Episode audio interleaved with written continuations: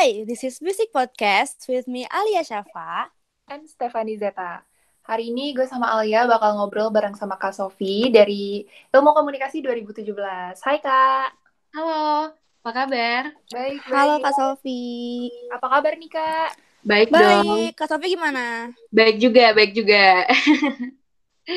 Kesibukannya lagi ngapain nih Kak? Kalau angkatan 17 kayaknya lagi skripsi-skripsi gitu ya? Iya, aku lagi skripsi sama intern sih sekarang. Sibuknya tuh organisasi juga belum demis. Intern di mana Kak? Aku sekarang lagi di Tokped. Oh. Kayaknya banyak yang e-commerce gitu ya? Tokped, Shopee. Shopee, iya. Banyak seru soalnya. Kayak, ya asik aja sih. Intern di sana gitu, challenging gitu. Oh, oke oke.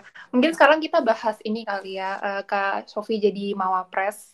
Kemarin mau tahu dikit dong Kak cerita awalnya jadi Mm-mm. jadi Mawapres tuh gimana sih? Oke, kalau waktu awal jadi mawapres sih jujur, em, aku pribadi tuh nggak pernah ngeplan ya. Aku tuh mau jadi mawapres gitu deh semester satu tuh nggak. Kayak sebenarnya lebih ke impulsif waktu semester empatan gitu deh baru pengen gitu. Nah, jadi Hmm. tuh eh, ketika aku dipilih jadi mapres itu juga lumayan dadakan dari prodi. Jadi kayak hamin dua atau hamin satu tes eh, mapres di fakultas, aku baru ditunjuk tuh. Mepet banget kan. Nah, tapi untungnya emang karena udah Hmm. pengen tempat, jadi kayak udah kebayang nih, kayak untuk nyusun KTI segala macam bisa cepet sih sehari kelar waktu itu.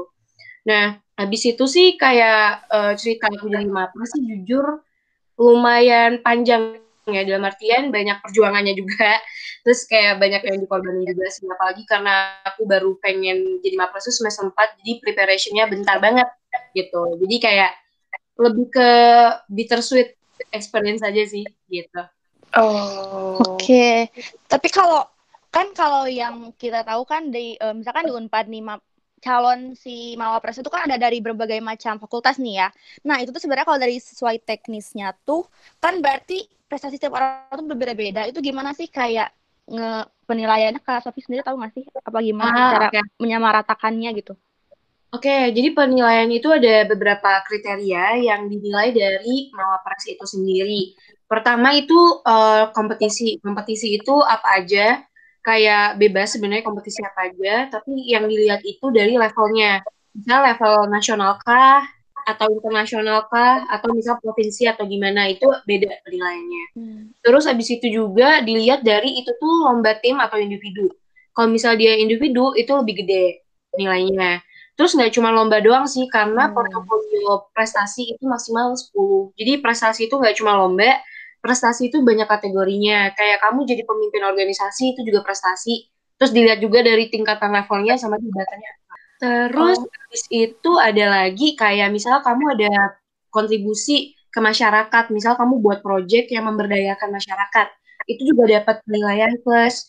Kamu juga misalnya kayak nulis buku, habis itu juga kayak contohnya jadi pelatih, jadi coach, atau misalnya kamu jadi eh, apa ya pembicara gitu-gitu tuh kayak udah dapat nilainya dan ada kolomnya sendiri sih. Jadi kayak ketika kita ikut mapres tuh kita bisa ngitung nilai kita sendiri gitu loh. Oh, aku punya prestasi A, B, C, D misalnya. Aku tuh dapat berapa sih kayak gitu. Jadi udah emang ada tabel yang jelas dan transparan sih terkait penilaian untuk prestasi di portofolio kayak gitu.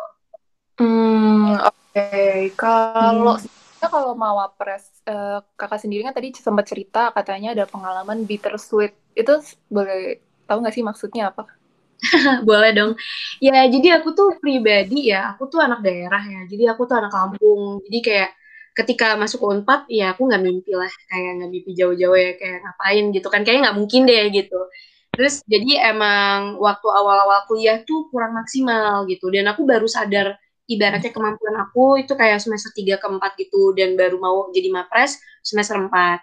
Nah, kenapa sih itu bittersweet aku bilang? Karena aku tuh mostly 10 portofolio, 8 dari 10 aku dapetin di semester 5 semuanya. Itu kayak bener-bener ngabisin waktu kan. Kayak aku ya bagi waktu kuliah, bagi waktu lomba, mimpin organisasi, segala macem itu kayak capek banget gitu. Dan yang banyak hal yang harus dikorbanin lah gitu. Jadi emang kayak lumayan melelahkan, tapi at the end of the day emang worth it sih. Kalau Kak Sofi sendiri eh, waktu mendaftarkan calon kan jadi mawapres itu sebenarnya prestasi apa aja sih yang Kak Sofi bawa? Oke, okay, jadi waktu itu prestasi yang aku bawa, uh, aku ketua organisasi ya di ESU. Terus habis itu aku prestasi MUN, habis itu prestasi debat, juri debat, terus habis itu aku juga jadi co-founder project nasional gitu. Jadi uh, yang dibawa itu sih sama apa lagi ya? Hmm, udah itu aja. Oh, sama lomba komunikasi. Oh, wow, banyak banget, Kak. Keren banget sih. Keren, keren, Di, uh, tapi aku penasaran sih sebenarnya dengan prestasi sebanyak itu. Tadi Kak Sofi bilang sempat nggak percaya diri sebelumnya. Terus aku agak scroll-scroll ke bawah ke IG-nya Kak Sofi yang nari daerah itu ya pernah nari daerah terus kayak captionnya awalnya nggak pernah nari terus uh, jadi pede mungkin boleh ceritain dikit nggak kak awalnya kakak bisa yakin gue tuh sebenarnya orang yang berprestasi loh bisa nonjolin kepedean tuh gimana sih? Oke, jadi gini, um, jadi tuh aku tuh pribadi dulu sempat gak pede karena aku berada di lingkungan yang kurang tepat, bisa dibilang. Maksudnya gimana? Gini, uh, teman-teman kalau misalnya ngerasa insecure dan kalian gak punya kemampuan dan sulit berkembang, tandanya teman-teman tuh belum nemuin uh, lingkungan yang bisa memaksimalkan potensi diri kalian kayak gitu. Dan aku tuh baru ngerasain itu ketika di semester 3 semester 4 gitu loh. Jadi emang ketika aku punya lingkungan yang suportif terus orang-orangnya juga bisa membangun dan orang-orangnya juga bisa apa ya uh, bisa dibilang mendukung lah ya sama apa yang kita lakukan. Abis itu juga kayak selalu support keputusan kita segala macam itu bakalan bagus gitu. Jadi caranya aku nemuin kepercayaan diri itu jujur berawal dari eksternal dulu bukan dari internal bukan dari akunya gitu. Jadi uh, banyak banget orang-orang di sekitar aku yang berjasa eh, ke perjalanan aku di Mapres itu karena mereka menyadarkan aku tuh punya potensi gitu loh. Jadi emang kayak penting banget untuk teman-teman mengasosiasikan diri sama orang-orang yang positif. Itu penting banget gitu. Terus kedua tuh gimana sih caranya aku akhirnya mau nih maju sampai nge banyak ngelakuin banyak hal segala macam untuk Mapres gitu ya ya aku percaya aja sih uh, ketika orang-orang udah banyak yang percaya sama aku terus ketika aku ngeliat diri aku oh ternyata tuh aku nggak seburuk apa yang aku kira gitu loh jadi itu kadang teman-teman kita nggak bisa itu kadang cuma ada di kepala doang gitu loh tapi ternyata tuh kalau misal kita mencoba dan akhirnya mencoba untuk keluar dari zona nyaman juga ternyata bisa-bisa aja gitu loh jadi emang kayak menurut aku sih growth mindset itu penting banget sih kalau jadi orang ataupun sebagai mahasiswa pada umumnya gitu. Wow, ya, bener banget sih ya. Jadi kalau misalkan kita emang udah ada di lingkungan yang benar, berarti ya kita bisa jadi lebih percaya diri sih karena orang-orang di sekitar itu kan bisa apa ya mendukung kita gitu ya, menyadarkan kalau kita punya potensi. Tapi kalau uh, tanggung jawabnya kakak nih setelah jadi mawapres itu sebenarnya apa aja sih kak? Uh, tanggung jawab ya? Oke. Okay. Iya. iya. Kalau tanggung jawab kalau jadi mawapres. Oke, okay, kalau tanggung jawab itu sebenarnya kayak ya kita merepresentasikan universitas di Kemendikbud gitu ya, kayak di perlombaan nasional gitu. Namanya mau Presnas. Itu tanggung jawab pertama. Jadi kayak kita emang ngangkat nama universitas sama naikin rankingnya juga secara nggak langsung gitu loh, naikin grade-nya gitu. Nah, tapi kalau tanggung jawab secara yang tidak tertulis ya, tapi emang kita udah tahu tanggung jawabnya mau Pres harusnya ngapain itu kayak kita harus memberdayakan orang-orang sekitar kita. Makanya di situ aku kayak punya platform tadi kan, kayak namanya kakak tingkat platformnya. Jadi di situ tuh kayak aku buat uh, project nasional untuk mengembangkan diri mahasiswa gitu secara gratis. Nah, habis itu kedua, uh, selain kita memberdayakan orang-orang sekitar kita, kita juga kayak harus wajib banget sih ngebantu orang-orang gitu loh. Maksudnya ngebantu tuh nggak dalam hal material ya, tapi kayak men-share ilmu segala macam jadi aku juga sering banget kayak ngelakuin pro bono coaching atau kayak coaching yang volunteer gitu loh yang nggak dibayar. Itu aku sering banget kalau di waktu luang kayak ngajarin MUN, ngajarin bahasa Inggris, ngajarin nulis juga gitu-gitu. Itu sering banget. Terus juga uh, selain itu kita juga wajib apa ya? Bisa dibilang sih wajib mempromosikan Unpad secara baik ya kayak gitu. Jadi kayak di sini kita menjadi brand ambassador dan tanda kutip gitu loh. Jadi kayak kita menjaga nama baik Unpad dan juga kayak selalu senantiasa nge-share tentang kebaikannya Unpad itu apa ke orang-orang sekitar sih gitu. Oh, berat juga ya tanggung jawab tanggung jawabnya. Berarti kak kalau aku nggak salah, berarti kakak tingkat itu adanya setelah Mawapres justru ya? Oh enggak, jadi kayak gini teman-teman. Jadi dulu tuh kalau kakak tingkat itu udah sebelum dari aku mau pres. Cuman itu tuh oh. targetnya masih kayak di Jawa Barat atau di Unpad mostly gitu. Nah, ketika aku udah jadi Malpres nasional, jadi kayak rame gitu loh, gitu. Oh, jadi setelah hmm. Malpres berubah skala. Iya, betul, betul, betul. Uh, itu gimana sih, Kak? Uh, kayak mulai melebarkan sayapnya kakak tingkat jadi nasional tuh gimana sih kak? Hmm, Oke, okay. kalau itu sih karena aku ada tim ya, ada project leadernya juga temen aku. Jadi kita co-founder tuh ada beberapa orang, ada dua. Uh, jadi salah satunya adalah kita kayak kerjasama sama orang-orang yang emang udah berpengalaman sih lewat koneksi gitu. Misalnya kayak aku ngajak teman-teman aku yang anak ITB, UGM, UI, atau misalnya dari anak Patimura waktu itu untuk ngembangin si kakak tingkat ini untuk jadi mentornya gitu. Terus kayak waktu itu kebetulan juga kakak tingkat ini ikut kompetisi di Unpad namanya Hipsmove. Nah, itu kita dapat pendanaan sih berapa ber, sejumlah beberapa gitu lah yang sangat membantu banget gitu untuk kita melebarkan sayap dan bisa mempromosikan si kakak tingkat ini gitu. Uh, tapi aku sebenarnya agak penasaran nih kan uh, ini mungkin pertanyaan standar sih. Uh, banyak banget prestasi kakak yang berhubungan dengan international relation gitu. Terus kenapa justru ambilnya malah ilkom? Apakah tertarik atau gimana tuh?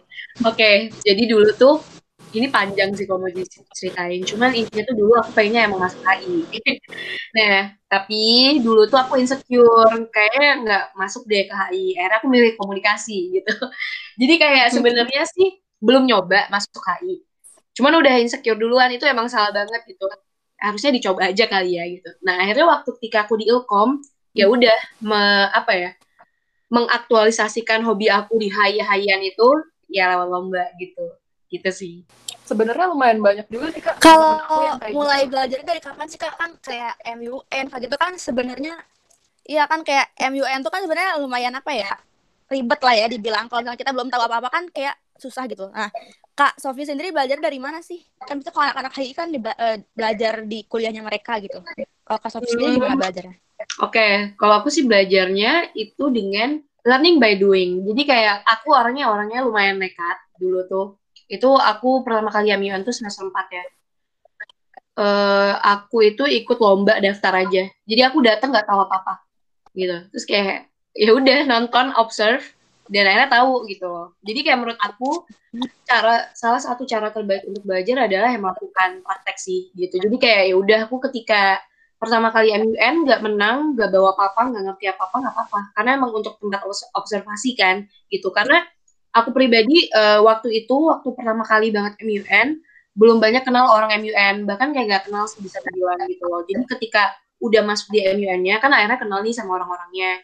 Jadi ya bisa ada komunitas yang bisa aku tanya-tanyain. Terus habis itu akhirnya aku juga memutuskan ikut Harvard National MUN jadi ya emang ada pelatihannya juga sih waktu itu waktu di Eschenman gitu.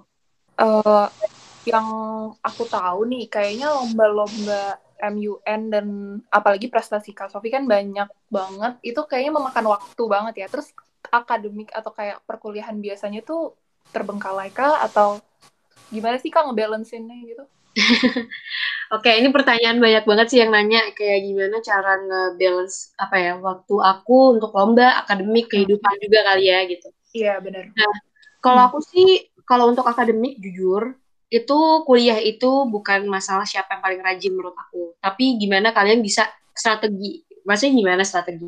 Kalau aku pribadi selalu ngasih effort paling gede ketika UAS. Gitu. Jadi kayak UAS kan bobotnya paling gede ya. Jadi kayak ya untuk tugas yang yeah, lain. Oh, mm -mm, kayak ngumpulin aja ya, tapi bukan berarti nggak ngerjain ya, tapi kita harus ngumpul. Nah, uh, tapi kayak yang maksimal banget ya harus niat banget parahnya itu ketika UAS. Jadi aku tuh kalau UAS ambis banget sih. Jadi kayak bisa dibilang ngasih effortnya 100% deh gitu kalau untuk UAS gitu. Jadi kalau untuk UAS sih aku nggak pernah kayak apa ya bisa dibilang nggak pernah aku tinggalin dan nggak pernah apa ya aku nggak pernah ngelakuin kegiatan ketika UAS kayak gitu. Terus abis itu juga kuliah itu juga caranya kita untuk membaca siapa yang ngajar kita. Maksudnya gimana sih kalau kayak gitu? Jadi kayak gini, jadi kan tiap matkul itu dosennya beda-beda. Ya kita harus bisa paham karakteristik dosennya. kayak gitu loh. Itu menurut aku strategi ya kalau kuliah tuh. Jadi kayak bukan masalah kayak kita harus rajin banget itu enggak juga. Tapi selama aku kuliah jujur aku tuh nggak terlalu rajin. Bahkan kayak absen tiga itu selalu aku pakai step matkul. Tapi ya iya tapi kayak gitu caranya. Kayak kita harus tahu nih dosennya seperti apa gimana gitu-gitu. Dan habis itu juga tadi itu sih uas dimaksimalin gitu emang sih misalkan kalau kita udah banyak banget kesibukan yang penting mah kuliah tetap jalan lah ya meskipun emang setidaknya nggak terlalu difokusin banget yang penting tetap jalan sih jangan sampai terbengkalai. Betul betul. Tapi kalau Kak Sofi sendiri sih kalau udah mulai kayak sibuk banget gitu ya, atau misalkan kadang-kadang pasti lah orang ada ada rasa penatnya gitu ya. Kak Sofi sendiri gimana sih cara mengembalikan moodnya Kak Sofi gitu? Atau cara mencari hiburan Kak Sofi itu ngapain sih sebenarnya? Oke, okay, uh, eh, jujur aku itu dari awal tahun sampai detik ini itu emang padat banget Mas Yan. Nah, tapi gimana caranya biar kayak aku nggak stres ya, nggak penat segala macem. Itu pertama, aku selalu ngasih satu hari di satu minggu itu kosong, aku nggak boleh ada kegiatan, samsak. Jadi kayak aku di situ kerjaannya nonton drama, nonton Netflix, ya series lah gitu-gitu, atau ya keluar sama temen gitu sih jadi kayak aku selalu nyediain satu sampai dua hari, bahkan dua hari juga sering. Itu untuk kayak gabut bisa dibilang. Aku nggak mau diganggu sama hal-hal yang ibaratnya bisa aku nanti aja deh dikerjain gitu loh. Tapi kalau untuk magang kan beda ya. Kalau magang harus dikerjain gitu. Nah, tapi kalau untuk kesibukan kayak yang lain-lainnya aku berusaha untuk nggak ngerjain di hari itu. Terus selain itu kalau aku pribadi sih kan kita nih walaupun sibuk gitu ya, pasti kan kita juga ada temen gini misalnya kayak di organisasi itu kan kita juga ada temennya.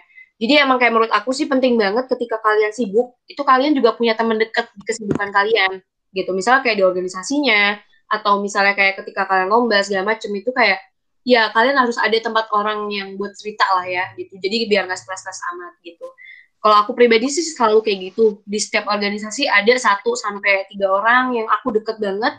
Dan itu kayak bisa dibilang tempat yang enak untuk cerita kalau misalnya lagi stres. Kayak gitu. Terus jangan lupa juga main sih. Gitu. Karena butuh banget ya main. Kalau belajar terus kan ya pusing gitu. Jadi emang butuh banget refreshing. Habis itu juga kayak main. Habis itu juga kayak me time. Gitu sih. Hmm, tadi katanya lagi suka nonton drama lagi nonton drama apa kak aku lagi nonton startup. Iya, semua orang lagi nonton ya? Semua orang.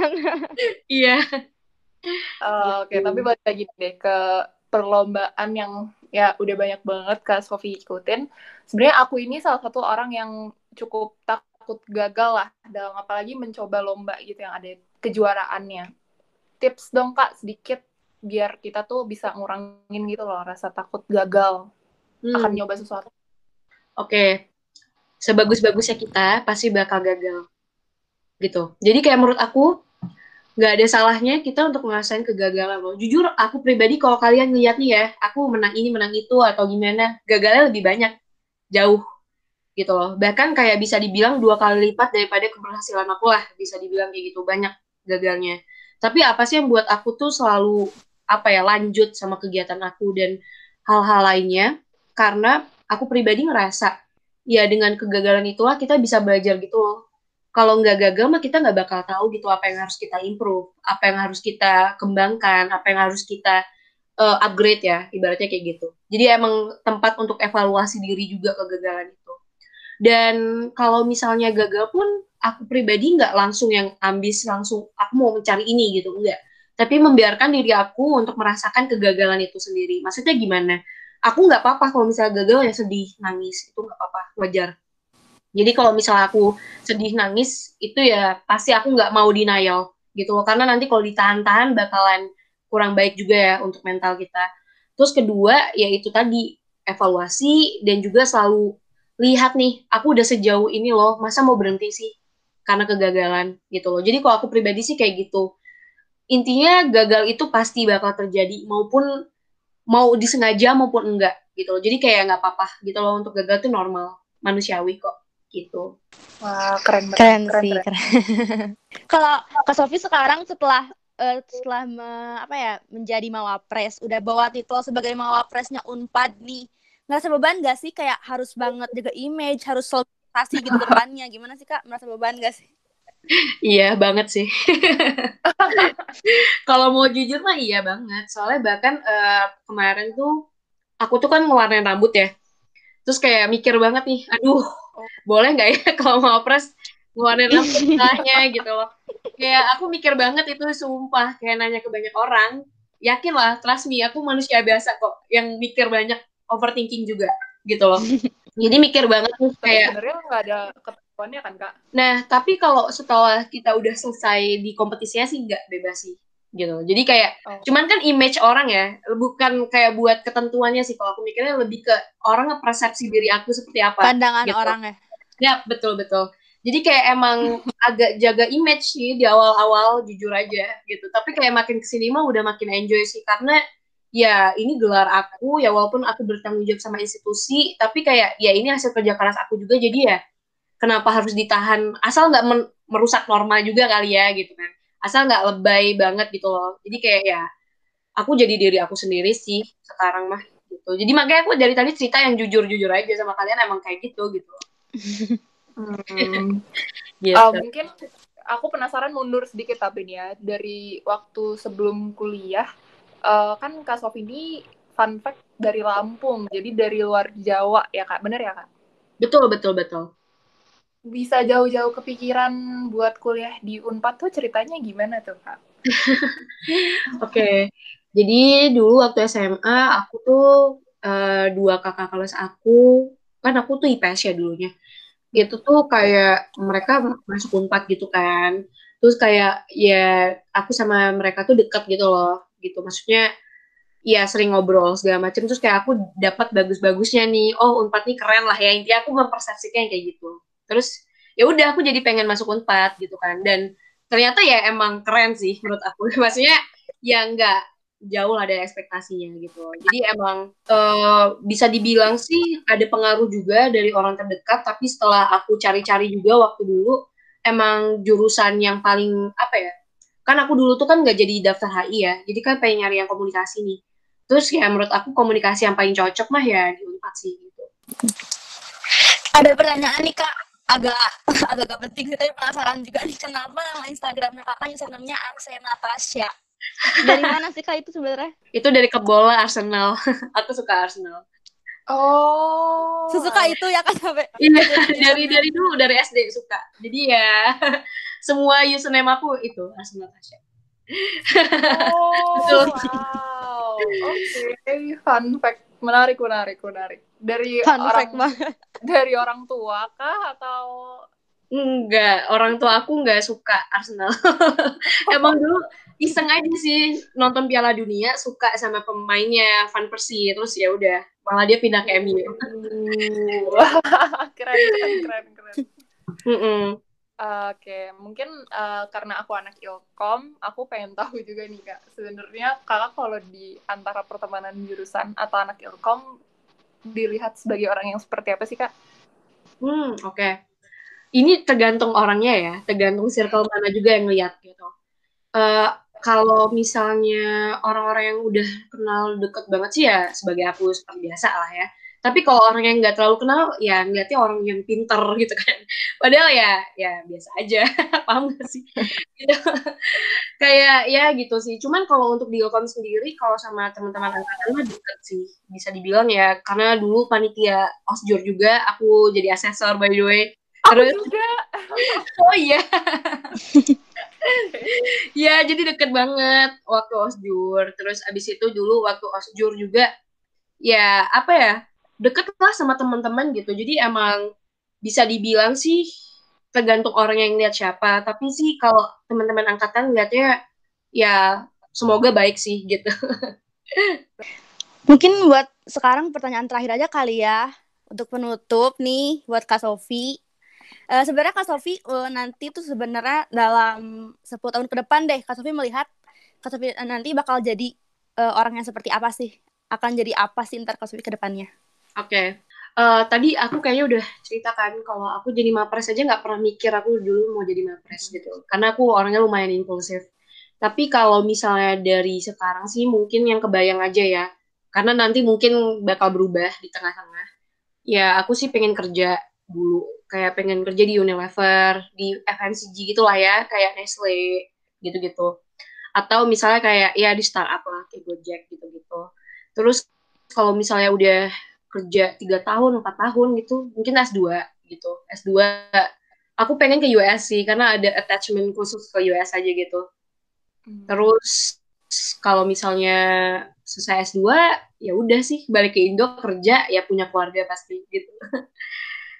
Biasa banget kok aku kayak nggak ada mimpi yang gede banget gitu. Karena ya aku tadi udah bilang sih aku orangnya lumayan gak terencana kalau masalah masa depan tuh. Kayak ya lihat nanti lah gitu Oke oke sama sih kak aku juga kok.